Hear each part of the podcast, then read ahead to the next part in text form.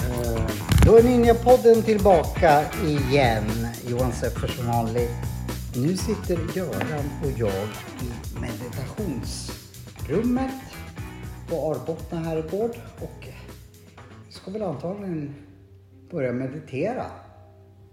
Stämmer det? Ja, och jag tror att det kommer att bli en välsignelse i ditt liv om du kan ta smärtan att lära dig det här. Är det smärtsamt? Ja, det är det. Ja, ja. Man brukar tala om, när man går in och börjar meditera, om att det är som att gå in i en grotta. Svart grotta. Så, så när du har varit där ett tag så rätt för det så kommer det en drake och skrämmer ut dig igen.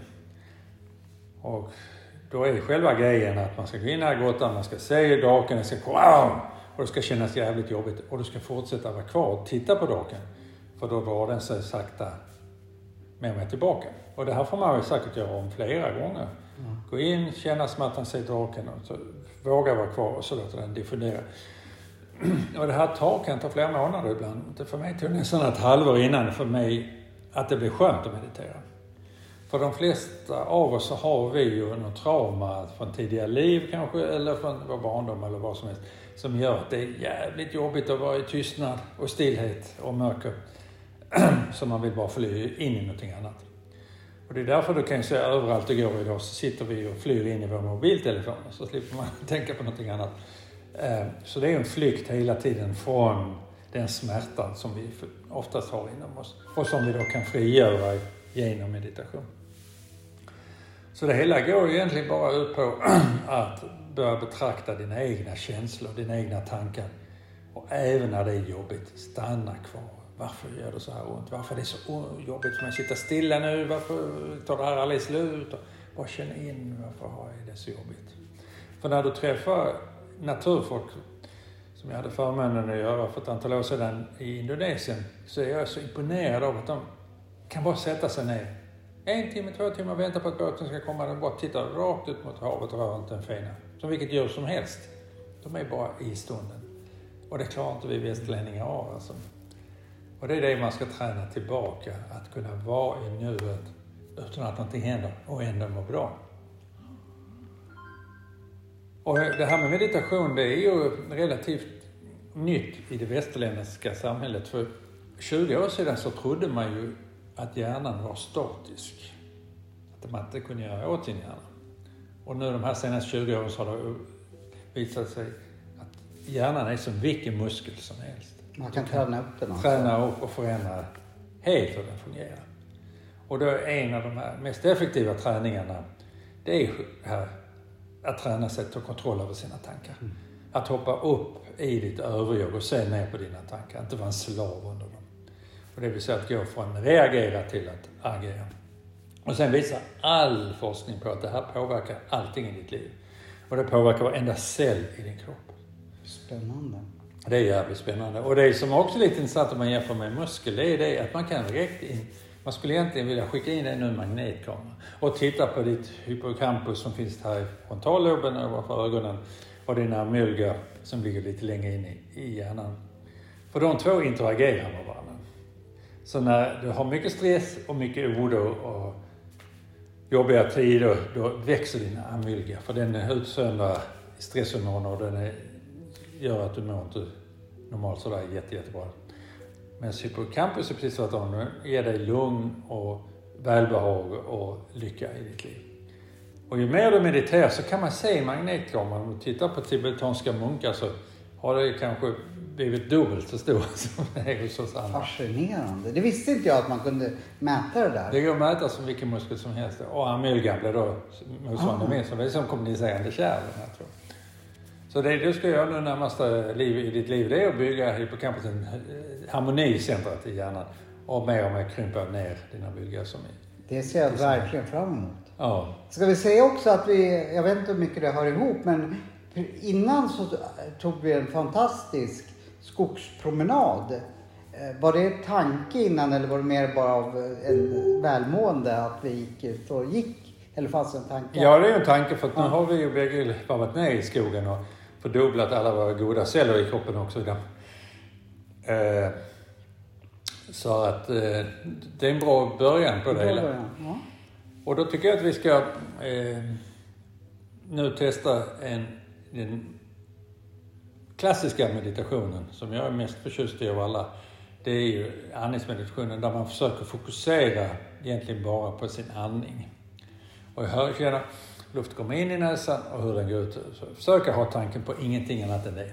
Och då kommer du ju märka efter en liten stund att där är du ju absolut inte utan du tänker på vad du ska göra imorgon eller någonting som var dumt igår eller vad som helst. Tankarna flög fram och tillbaka. Och då ska du hela tiden komma på dig själv. Jag har då pling här som varannan minut plingar tillbaka. Och tänker jag, gud jag skulle ju bara tänka på min inandning. Och så släpp, se den här tanken du har fastnat i. Säg vad det är för någonting och så släng bort den. Och så tillbaka med andningen igen.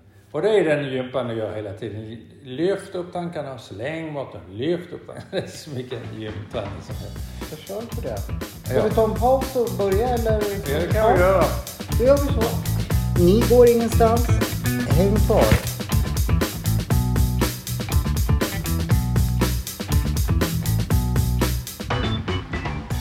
Ninjapodden är tillbaka.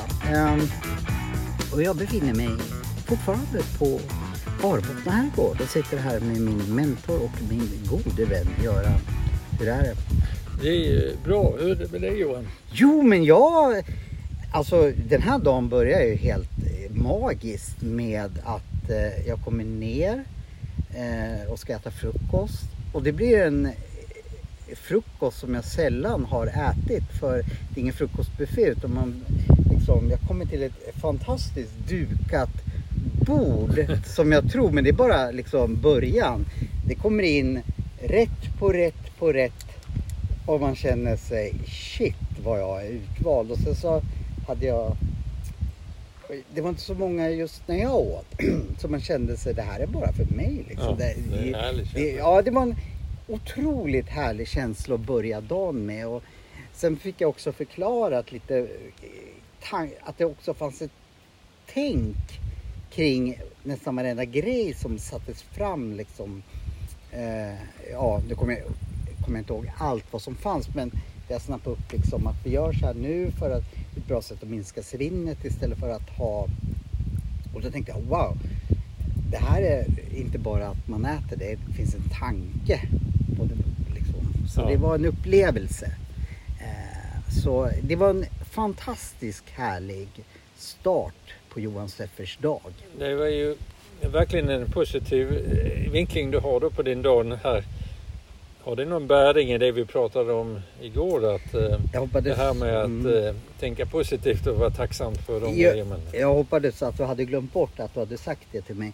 Nej, jag skojar. Eh, det första jag gjorde, jag tog ju till mig det där. Det var ju inte så här så jag jublade. Jag trodde jag skulle få något, du ska hänga i några lianer eller någonting sånt som passar bättre in i min eh, lilla värld. Att utmaningar ska vara svåra. Men Eh, det första jag upptäckte det var att jag hade glömt min laddare.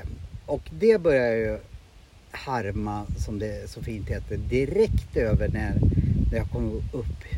Framförallt eh, skulle det bli katastrof för jag visste att jag behöver min laddare för att vi ska kunna podda och sådana där grejer. Så om jag nu skulle tänka tacksamhet så var det allt annat. Eh, jag tänkte nog allt annat än tacksamhet. Jag blev först arg på mig själv. Hur kunde jag vara så jäkla korkad och glömma laddare? Ja, Så då fastnade jag liksom i, ja, jag var inte glad så att säga. Och sen så hade du och jag bestämt att vi skulle göra saker på morgonen. Vi skulle träna, vi skulle det. Och då kommer ju de tankarna, men tänk, nu har inte jag någon väckarklocka, vilket nu jag lärde mig, man har det tydligen ändå fast telefonen laddar ur. Men massa sådana där praktiska Ja. så jag, jag ska vara helt ärlig och säga att jag somnade nog mer med, med, med Ångest. liksom ångest och eh, men kanske också någonting som sa mig att jag ska ha tillit till saker och ting för eh, det första som jag frågade direkt Linda när jag kom ner, känner du någon som har en laddare? eh, iPhone-laddare och de sa du kan låna min. Så någonting kanske jag ska ta med mig till det här att jag kanske inte ska agera så mycket på förutfattade saker som jag trodde nu kommer jag inte komma upp till frukosten, nu kommer jag missa Göran, nu kommer jag det, det, det, det, det. Men det löste sig. Så egentligen med facit i hand så skulle jag gjort de här tacksamhetssakerna ändå och bara tänkt det är ingenting som jag kan, kan göra någonting åt nu. Låt det vara så får vi ta tag i det där imorgon. Ja. Nu fick du ett jäkla långt svar på en enkel fråga. Nej, jag tänkte inte men det finns en ny kväll. Ja. ikväll. Ja. Och man kan väl säga ändå, om man ska dra en lärdom av det du upplevde igår, att just då när det är som mest stressigt, mm. man är som mest arg på sig själv och tillvaron. Det är just då det kanske är som allra viktigast och nästan skulle göra 20 grejer som hade hänt annars du, idag. Du, har så rätt. Eh, och jag tyckte också lite att jag var så inne i ett sånt bra mod. Vi hade ätit en fantastisk måltid. Jag tyckte vi hade ett, haft ett mycket givande samtal där, vi kunde, där jag kunde få älta lite gammalt i journalistdags och sådär. Så jag gick upp på rummet med en skön känsla. Ja, och så upptäckte jag det där. Ja, det så jag tänkte, kunde jag inte få vara kvar i den här känslan lite längre nu med den här goda maten och eh, eh, samtalet och jag kom i säng väldigt tidigt för att vara med ja. och liksom jag kan meditera, jag kan bara få finnas och sen upptäckte jag det där. Så eh, det var lite... Men då lovar du att ikväll då kommer det bli desto mer Jajamensan. På mm. För det kan man säga, det är den, om vi nu ska prata om de här elva vägarna till lycka Precis. så är det ju den första vägen kan man säga att träna sin hjärna att se det positiva istället för det negativa. För det, de är ju alltid interfolierade varandra. En stor framsida har alltid en stor baksida vad det än är här i världen. Så att det gäller ju då att se den stora positiva sidan och mer och mer träna din hjärna att inte fokusera på det negativa. För det är ju så konstigt att vi tror jag du har varit med om. Jag känner själv så ofta att för mig är, gör det mycket, mycket mer ont om jag förlorar 200 kronor än om jag tjänar när jag blir glad om jag tjänar 2000 kronor. Ja, det är, det så att det negativa svider alltid så oändligt mycket mer än det positiva. Vad tror du att det, att, att det beror på? Ja, det vet jag fasiken. Det är jättekonstigt. Och det är därför man måste ändra sin hjärna. Att försöka mer och mer se glädjen i de här 2000 kronorna och släppa det, okej okay, jag förlorar 200. Att inte fokusera så mycket på det, på det negativa. Det är precis som vi gärna älskar negativa nyheter och rulla sig i oförrätter och bara och det är en träning att släppa mm. det. Låt det vara. Ja, men du, du har ju helt rätt. Eh, man ska ju egentligen vakna upp varje morgon. Ja, men jag kan gå, jag kan andas, jag kan... Liksom, I min värld som ja, men jag bara förutsätter att jag ja. kan andas. Den dagen jag inte kan andas ja. skulle uppskatta. Oj, vad fantastiskt det var att kunna andas. Ja. Förstår du vad jag menar? Att, att, nu talar jag kanske för mig själv. Ja. Det är mycket jag ska vara lycklig för som jag i mitt liv bara förutsätter. Ja, men det är naturligt att jag kan gå och eller ja. Det är ju inte det egentligen men det märker man oftast i mitt fall bara när något väldigt naturligt inte finns något längre. Liksom. Nej. Så då är det den ena vägen då det här med att träna om att se det fantastiska positiva livet. Och, och det, det fantastiska med det är att det är ingen flum. Utan det är ju något som vetenskap kan bevisa att du kan ändra hur du ser på världen och hur du upplever det. Så det är den ena vägen. Träna din hjärna att bli mer positiv. Och det kräver bara de här övningarna. En annan väg är ju den gamla klassiska stoistiska stoicismen. Vad är det för någonting? Känner du till det? Nej. Det var ju något som växte väl först i Grekland men sen kom till sin fulländning under det romerska riket. Och den mer kända idag av de här tror de var sex eller sju eh, välkända filosofer. Det är ju Marcus Aurelius som också en gång var, eh, under tid var kejsare mm. i Portugis, eller i, I romarriket. romarriket eh, Så att han har skrivit en bok som jag älskar som heter Bekännelser där han skriver ner sina tankar om stoicismen och hur man ska se på livet. Och grundtanken i stoicismen det är ju det att livet in, innehåller hela tiden en massa utmaningar. Att man inte ska låta sig dras med av de här, jag saknar min laddare eller jag saknar Utan man hela tiden bara ska fokusera på att så här är livet. Eh, vi drabbas alla av regn och eh, åska. Det kommer att blåsa bort. Så gör inte några stora affärer av det, det här löser sig.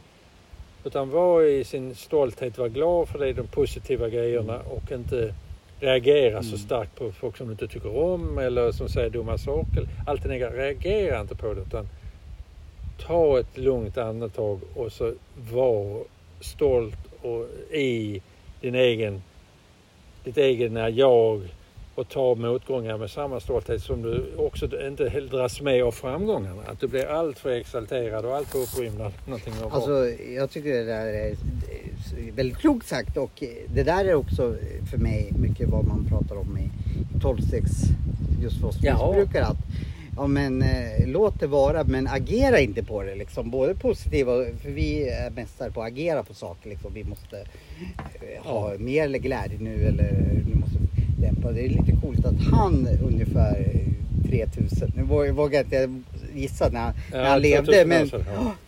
eh, skrev det här eh, som, ja det visste jag inte. Vad så, det här måste bli, vad hette, Marcus Ja, jo, Aurelius det vet och jag, boken men- heter Bekännelsen.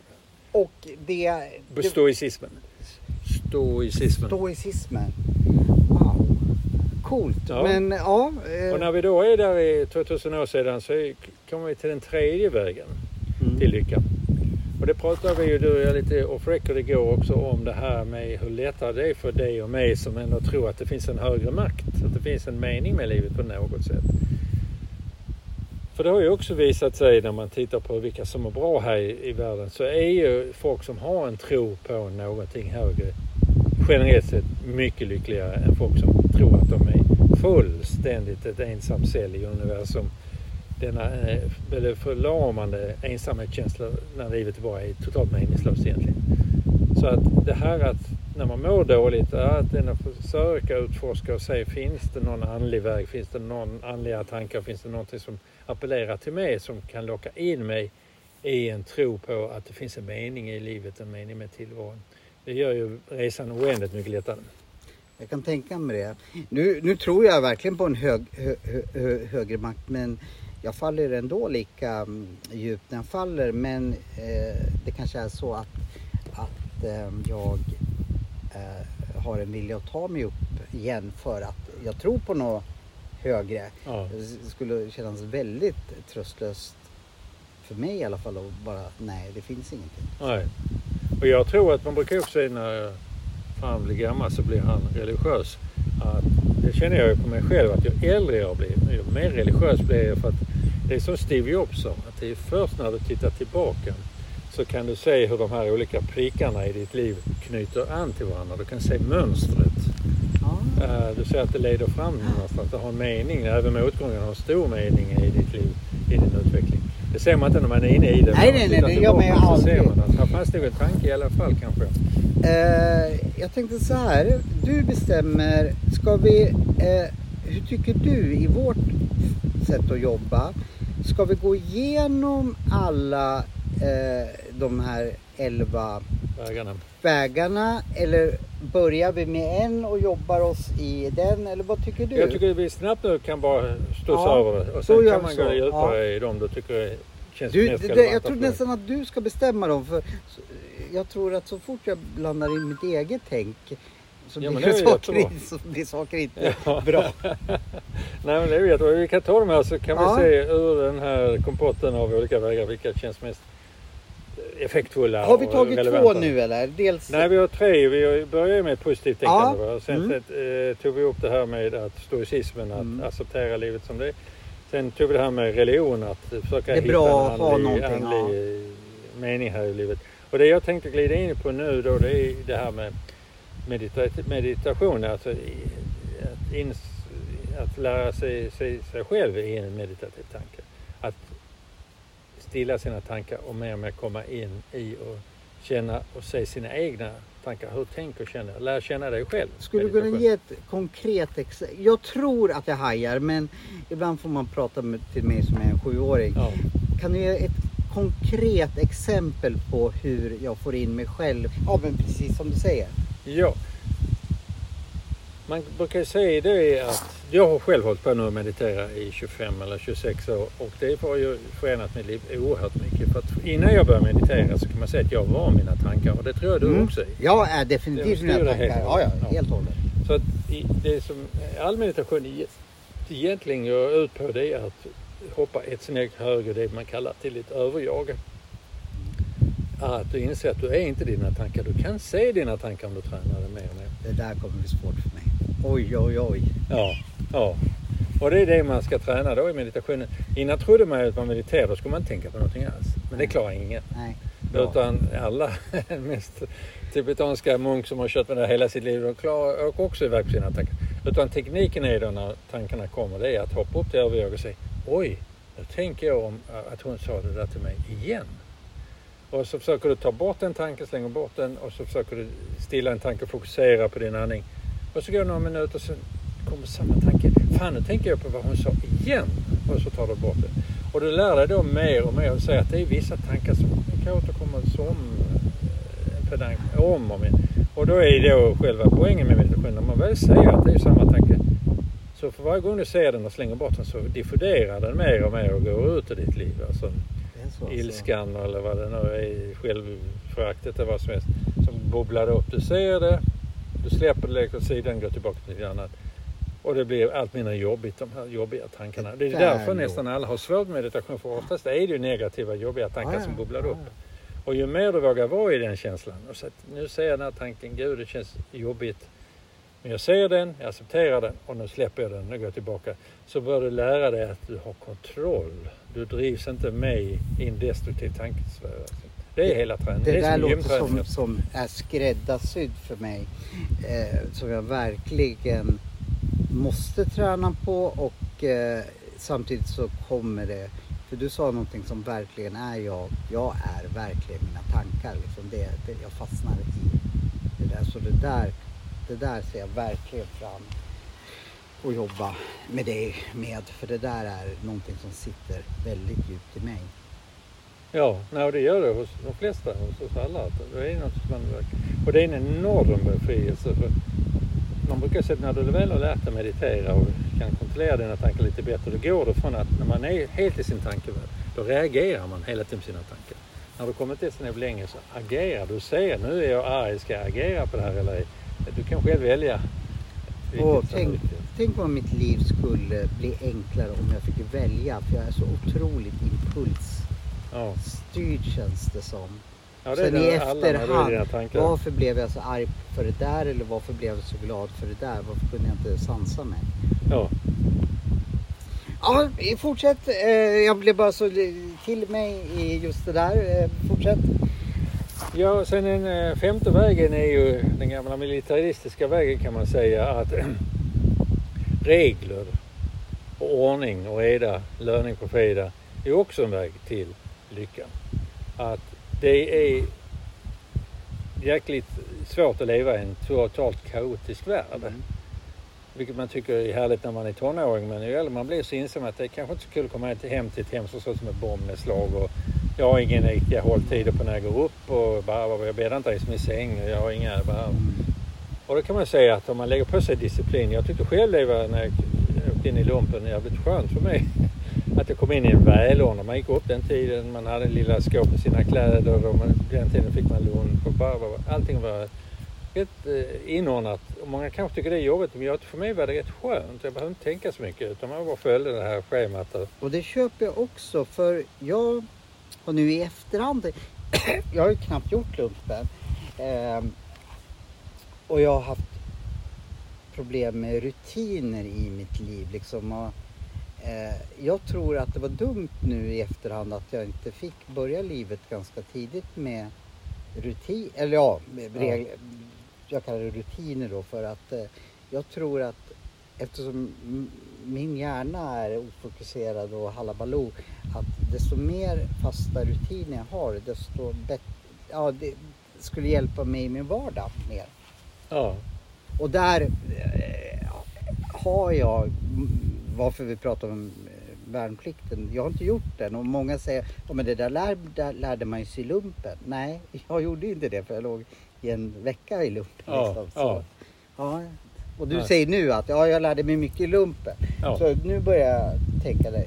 Då var det en gudagåva att jag Ja. slapp. Men nu kan jag nu i efterhand se att nej, det kanske var jävligt dumt. Ja, för ju mer rutiner du får i ditt liv, det enklare blir Mm. det. Alltså går du upp samma tid varje morgon så funderar du inte på att jag ska ligga en halvtimme till. Mm. Annars blir det evig kamp. Ska jag gå upp nu eller senare? Du tänker att du bara går upp. Du går och lägger dig på samma tid. Hela din kropp är fysiologiskt inställd på att nu ska sova så du somnar snabbare. Och när jag äter på givna tider och kroppen är inställd att du får. Allting blir en vana som gör det enkelt. Bara den enorma känslan att du bäddar din säng varje morgon ger ett enormt välbehag när du vänder dig om och säger ja vad snyggt det blev nu i sovrummet. Alltså. Det är sådana enkla små grejer som ger ett stort välbehag konstigt nog. Alltså. Det smärtar mig att jag även måste ge dig rätt på den här punkten. Även fast jag är så långt ifrån liksom det där bäddning och så. Men jag vet ju att till och med jag skulle uppskatta om jag hade bäddat min säng. Eller göra sådana här små saker. Ja. Eh, det är för jag vill egentligen ha ordning och reda. Men eh, jag är inte ordning och reda. Fortsätt. ja, och sen så kommer vi till en annan grej som är sunt förnuft. Att vi känner ju alla instinktivt någonstans inom oss vad som är rätt och fel. Eh? Man behöver ju inte göra livet mer komplicerat än så. Man vet ju att det kanske är rätt bra om jag sover sju timmar på en natt. Eller det är rätt bra att jag äter lagom mycket. Eller det är rätt bra om jag är snäll mot andra människor. Och alla sådana självklarheter. Att man också känner in att försöka le- leva efter det som är på engelska heter det common sense eller det som känns naturligt och normalt här i livet. och Inte gå emot det allt för mycket. Alltså. Och det köper jag också på ett sätt. Men jag är också, tror jag, svårt att veta vad som är bra för mig. För jag är också gränslös på något sätt tror jag. Ja. Att, eh, hur lär man sig? Ja, jag, Ja, det är ju jag, jag, vet, ja, jag vet ju att, ja men självklart. Jag ska, jag, för mig är sömn viktigt. Och jag tror desto äl- äldre jag blir så blir det ändå viktigare. Förr kunde man liksom gå från krogen och jobba. Mm. Eh, nu, ja det skulle inte gå liksom och eh, en hel dag kan bli förstörd om inte jag sover tillräckligt. Liksom. Jag kan inte göra någonting. Ja. Så jag vet ju att det är viktigt men hur lär man sig de här, är det att lyssna på kroppen eller hur? Eftersom jag har dubbeltänkande där att samtidigt har jag gränslöshet i mig. Ja. Liksom. Men nu om du vill ändra ditt liv och, Ja. och eh, komma och bli mer eh, hälsosam och, Jag vill bli Frisk lycklig och och nu lycklig mig. person, ja. så är ju det här, de här grunderna, där du, liksom, det gränslösa leder ju aldrig till någon lycka. Nej det tror jag inte heller. var, i vilket område den är. Och det är ju lite konstigt för i vår tid så är det ju så lätt för vad det än gör så ser du att folk som är gränslösa. Går du på ett gym så är det vissa där som är gränslösa som Mm. tränar alldeles för mycket. Och somliga när det kostar blir gränslösa, man äter bara Ja. någon annan typ av. När det gäller resor och jobb och sånt, som jag jobbar för mycket resor. Jag tror att du gör någonting som är inte är common sense, som är lite too much. Det är lite att reagera på det själv och säga att men det är inte den livsstilen jag vill ha. Alltså. Och så tar jag tillbaka till eh, eh, ja.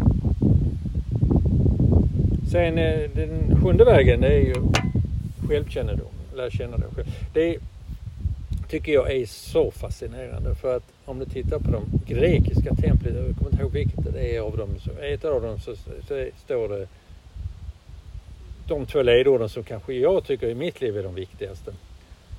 Och det, är, det ena är lär känna dig själv och det andra ledordet är allt med måtta. Eh, Definiera. Ja, alltså den här, vägen du lär känna dig själv det är ju att försök ibland att bara titta på det lite grann utifrån och se vem, vem är jag? Alltså, nu verkar du vara duktig på det. Du ser själv att jag är gränslös. Jag har de här styrkorna, de här svagheterna och så vidare. Ha en objektiv bild på sitt utan att fördöma någonting eller förtränga någonting. Så att det är min person.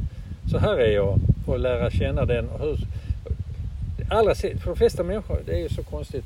Vi tycker rätt illa om oss själva. Mm. Verkligen. Och det bästa sättet som jag tycker för mig var det bästa sättet att lära sig Mm. tycka om mig själv var att jag fick titta på bilder när jag var 5, 4, 5, 6 år. då är det oerhört lätt att se barnet göra. Gud vad gullig han var. Honom tycker jag jättemycket om. Och så får man växa därifrån. För den här lilla Göran finns ju kvar i mig fortfarande. Så den kan jag ju fortfarande tycka om. Alltså. Så det har hjälpt mig jättemycket att tycka om mig själv. Att se den där lilla gossen. Så sen livet. Jag har misshandlat på olika sätt och tagit fram en massa negativa sidor. Och, eh, som är svåra att tycka om. Men alltså gossen kan man ju tycka om. Och, så att det är det du ska försöka se dig själv också. Vad är den här lilla Johan? Kan jag tycka om honom? Titta på en bild på dig själv. Den lilla Johan, den kommer jag säkert inte ha några problem att tycka om. Ja. Sen eh, sa du någonting som jag, om, om, om jag ska vara liksom självkritisk. Jag vet nog inte vem jag är eh, för att jag är en kameleont. Jag anpassar mig.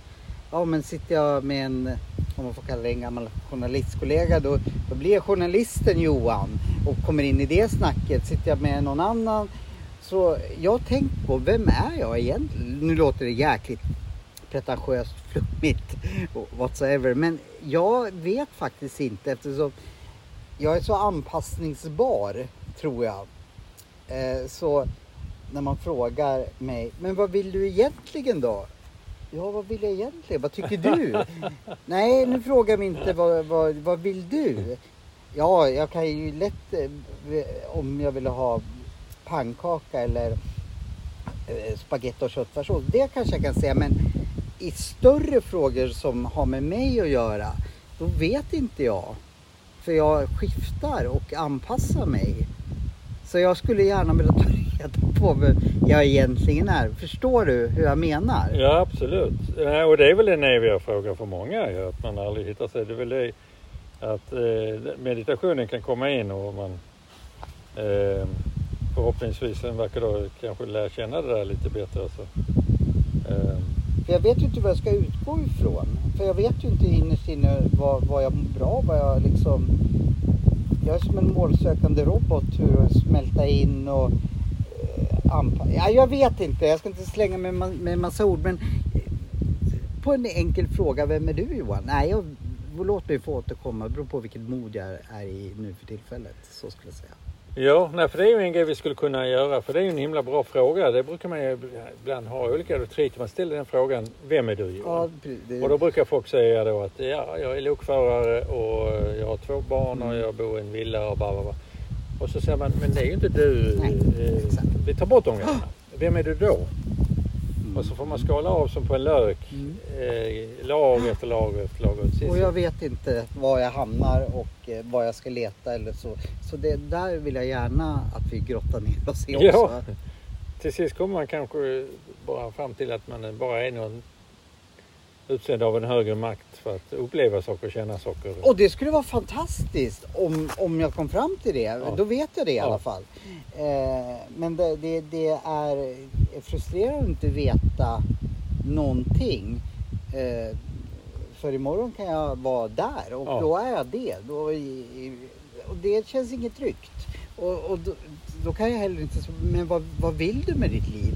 Jag, jag vet ju inte det eftersom jag, jag anpassar mig. Ja, ja. Och det är ju då kan vi komma in på den återvägen som är intressant. För det du säger nu det är ju långt ifrån ensam om. Utan de flesta människor kämpar ibland med den här, vem är jag? Det är den stora frågan i all litteratur eller kultur egentligen. Och en grej för att slippa känna sig alltför ensam det är ju kanske lite bland alla dessa miljoner självhjälpsböcker som finns som tar upp just det problemet som och se så många som har bejakat och gått in i den frågan och, och se finns det några vägar, några tips, några tankar som så att lära sig av andra som har haft samma tankegångar eller problem. Så det är ju det stora med självhjälpsböcker tycker jag, att man får lite nya vinklar, nya ingångar som man kan använda. på sig Men då har jag en fråga till dig. Vad jag förstår så finns det en miljard självhjälpsböcker. Men all forskning och så, så blir vi bara olyckligare och olyckligare. Vad, vad, vad är felet liksom? Är det för att, att eh, vi har för svårt att hitta just en självhjälpsboken som passar mig eller vad, varför?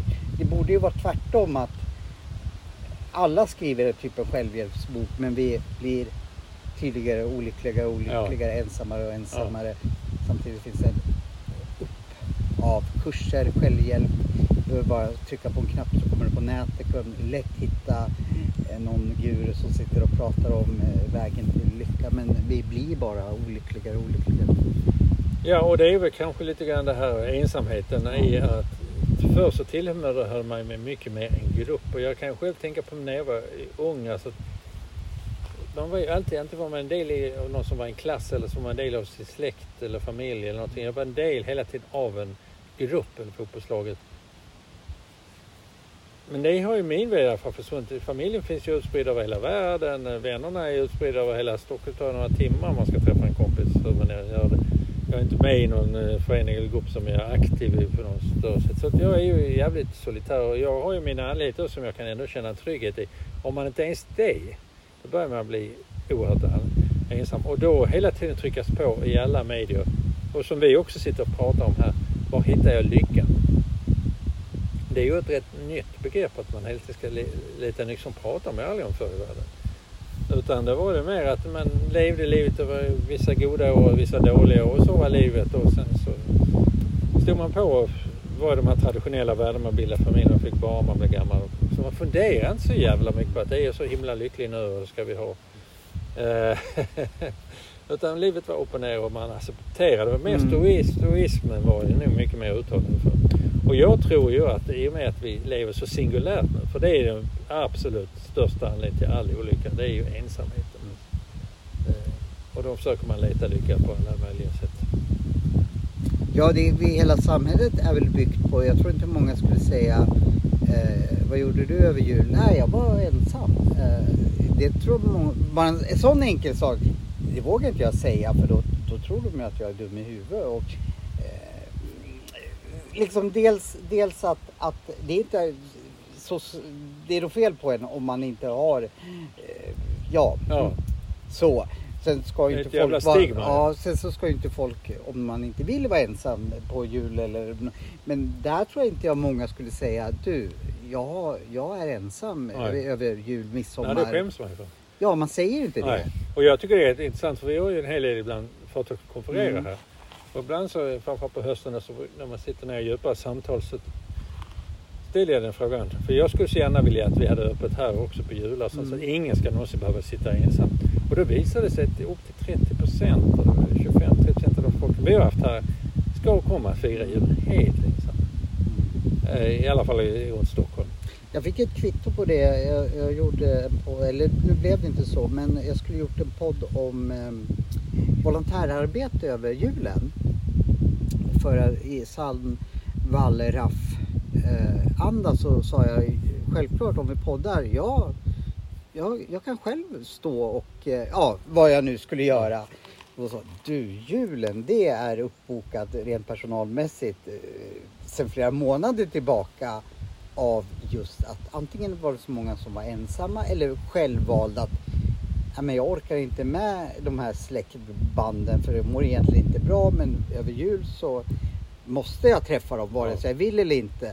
Så just den organisationen som jag skulle göra, eh, prata med över jul, där var de populäraste arbetspassen som jag inte trodde då, över storhelger för dels att ja. många var ensamma ja. och dels att många kunde skylla på nej, jag skippar Kalanka hos moster eh, Karin utan jag ska servera eh, soppa på ja. ja. Vid din sida heter organisationen. Och då när man är inne på julen och, så är det ju då helt sjukt hur man börjar julskylta i oktober mm. och man bygger upp en förväntan och, och helt tappat egentligen varför man firar julen. Mm. Orgie, mat och gåvor på något sätt. Och det är också det som man kan säga en väg till lycka. Eh, det kallar man då för eh, hedonismen eller att våga fästa ut. För egentligen svaret på allting vi diskuterar här om hälsa, hur, man hittar väg till lycka och så vidare, det hittar man ju oftast i om man studerar jägare och samlarbefolkningar. För det är ju det man kan säga då de allra mest lyckliga människorna här på jorden. Innan vi blir bofasta och börjar bli jordbrukare. Och är som grej som ut som är så ut, eh, beskriver livet i jägar samlarbefolkningen det är just att de har vissa högtider där man verkligen festar. Så man kan ju svälta och ha det tufft många perioder. Men när man väl ska festa, då är det fest. Mm. Så man bygger de här kontrasterna också i livet. Att det inte bara blir en grå jävla skala av allting. Nu har ju, kan man säga, julen urartat helt i Sverige på något sätt. Det blivit ett tvång och bara, bara. Jag vet inte hur mycket fest det är egentligen heller runt hela man bara överäter och, och så. Utan det man skulle ha tillbaka som man hade för det, usch, fester eller komma till samma fester med gamla vänner och verkligen fira ut och våga eh, ta ut svängarna, dansa hela natten och verkligen vara galen. Nu ska vi ha kul ikväll och sådär. Eh, vilket man kanske inte riktigt, när man har fyllt 30 i alla fall och plus, då försvinner det bort. Man har, ibland när man är ung och tar ut svängarna Ja, ja. maximalt men inte sen i livet. Så att det är också våga ha kul. Eh, nu sa du ett ord som jag är väldigt nyfiken på. Hedonism, vad betyder det? Jag har bara sett att man kan boka någon så här hedonismresa till Jamaica och där verkar det vara orgier och det passar mig. Nej men, eh, vad är hedonism för någonting? Jag, är liksom, jag är bara nyfiken på det ordet. Ja, eh, hedonismen för mig... eh, Jag tänker ju på mitt studentliv. Att studenter i alla fall när jag läste det, då var man duktig på det. Då hade man vissa hö- högtider då man helt gick in på att festa. Man Okej. drack massor, man åt massor, man kramades rum och man var med sina vänner. Och den här kvällen, dagen, eller som i Lund när man hade sina karnevaler. Det är bara ett, ett, en explosion i galenskap, i lycka och uppträdande. Det låter ju helt fantastiskt. Kan inte vi ha och anordna en hedonismfest här på Arbotten vid något Jo, tillfälle? gärna. Jag älskar ordet Ja, hedonism. ja, ja. För jag förknippar bara med de här Ja. som jag läst om orget. Nej men skit i orgierna. Eh, men då Ja, som bestämmer vi det. Vi, 1700-talet hade man mycket såna vi, heroistiska ja, vi bestämmer att under snart, inte snart, under ti, snart så ska vi jobba in en hed- hedonismfest på Arbottna. Ja. Bra. Ja, och sen har vi bara två grejer till här Ja. innan ni dör tills dess. Den allra, allra säkraste vägen till lycka. Det är att släppa sitt ego. Man brukar ju säga att det är två saker som gör att du blir lycklig som människa. Det ena är att du släpper ditt ego och det andra är att du lär dig tekniken genom meditation att vara här och Mm. nu, i nuet. Att inte tänka hela tiden på vad någon sa igår eller vad som du är rädd för imorgon. Eckart Tolle. Ja, verkligen. Verkligen. En ny jord där han Ja. verkligen stressar där. Och, så det är det, de grejerna. Var här och nu släpp ditt ego. Mm. Och sen kommer den tredje grejen. Det är det här att ju mer du släpper ditt ego. Ju mer känner du hur du är connectad till allt och andra. Från blommor till djur till inte minst människor. Och det här att börja bry sig om att hjälpa andra. Det är det som man vetenskapligt kan visa, förutom kanske dans och vissa andra sådana grejer, ger verkligen lycka i livet.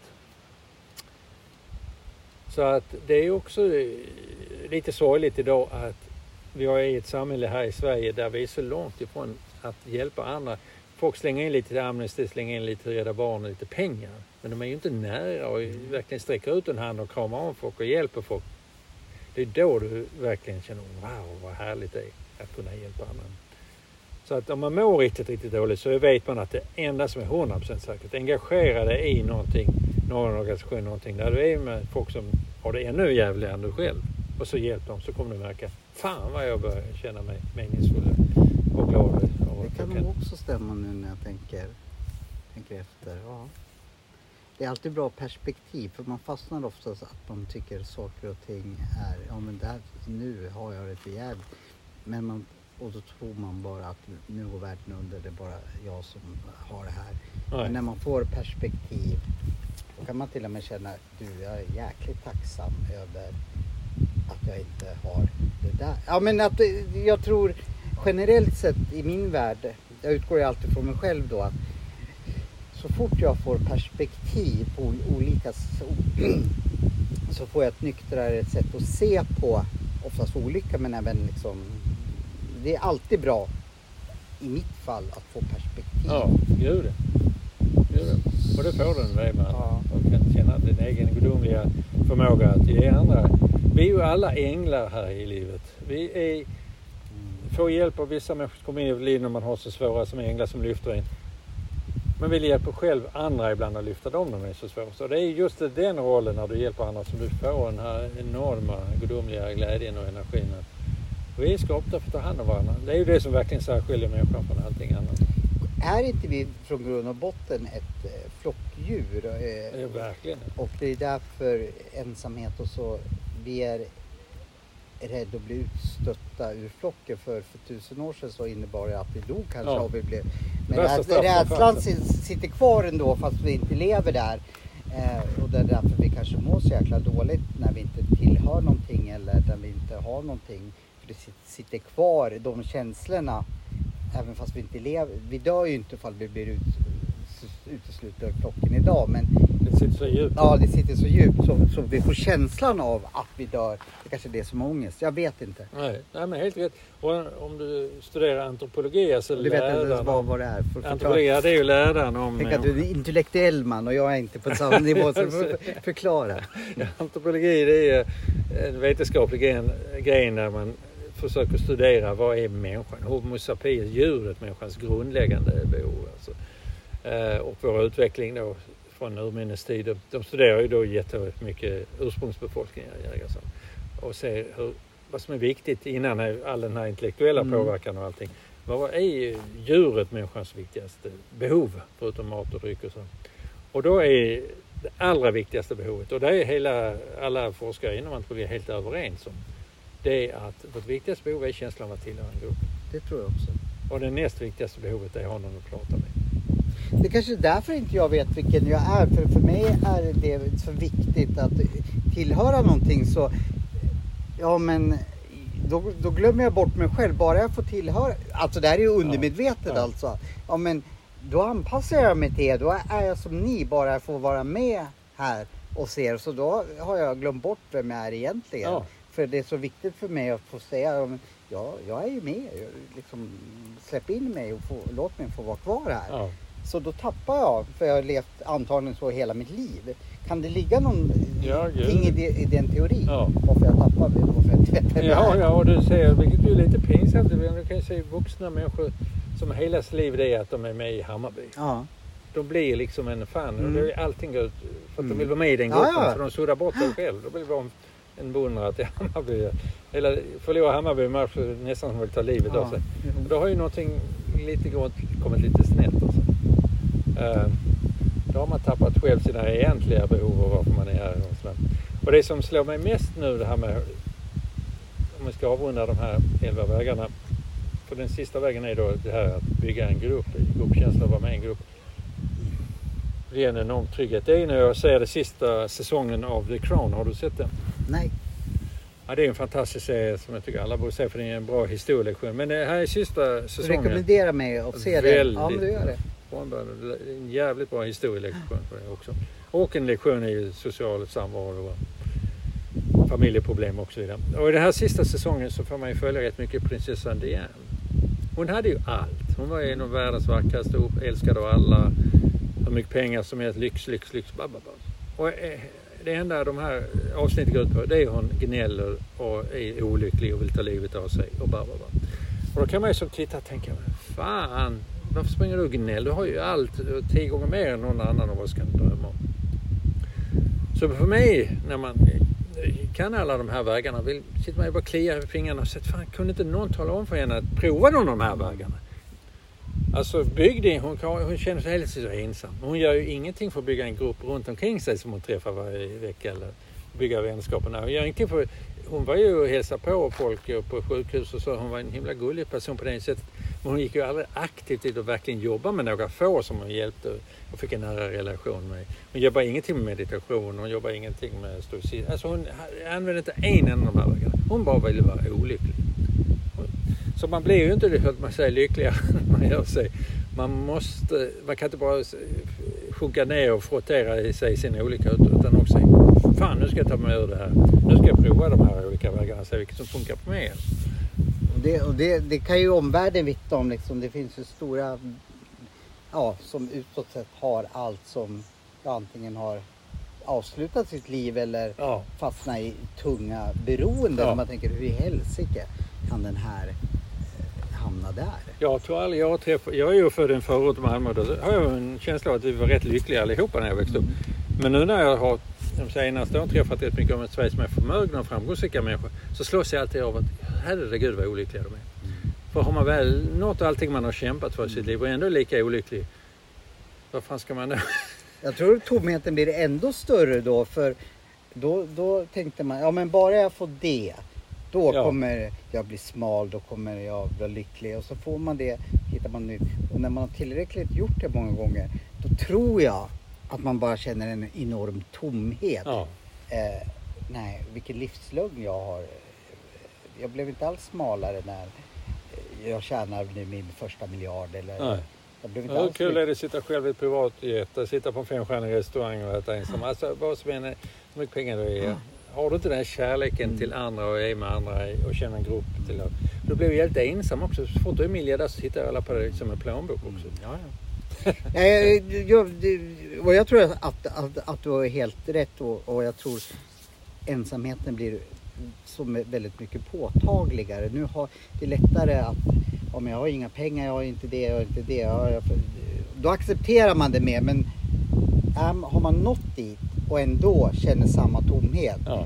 då kanske det är lättare att eh, ja, skippa. Ja, då har man ingen nej, nej. Och, då, och då känner man sig ja, både lurad, dum, allt möjligt kommer Ja, liksom. ja.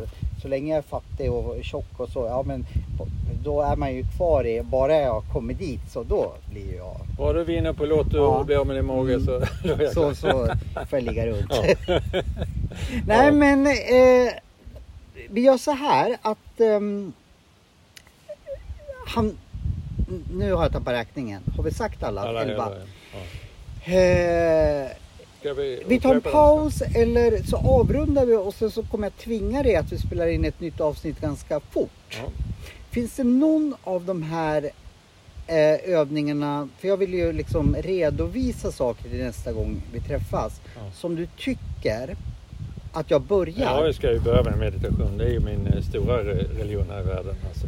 Eh, kan vi göra så här att eh, vi avslutar just eh, den här podden nu och sen så försöker vi få, in en början på din, Görans meditation och sen redovisar vi vad, som, vad, vad vi gjorde, vad som hände i nästa poddavsnitt. Blir det Ja, bra? Perfekt. Tack så mycket för Tack, det här. Eh, det satte igång jättemycket tankar i mitt huvud. Så eh, jag tänkte säga, gå ingenstans. Vi tar, kör ett nytt avsnitt snart. Men nu hittar vi en dag eller en tid där vi mediterar. Ja, Så redovisar vi det måste svaret. göra innan du går härifrån. Ja, ja, självklart. Men eh, tack och Tack. på återhörande. Ja,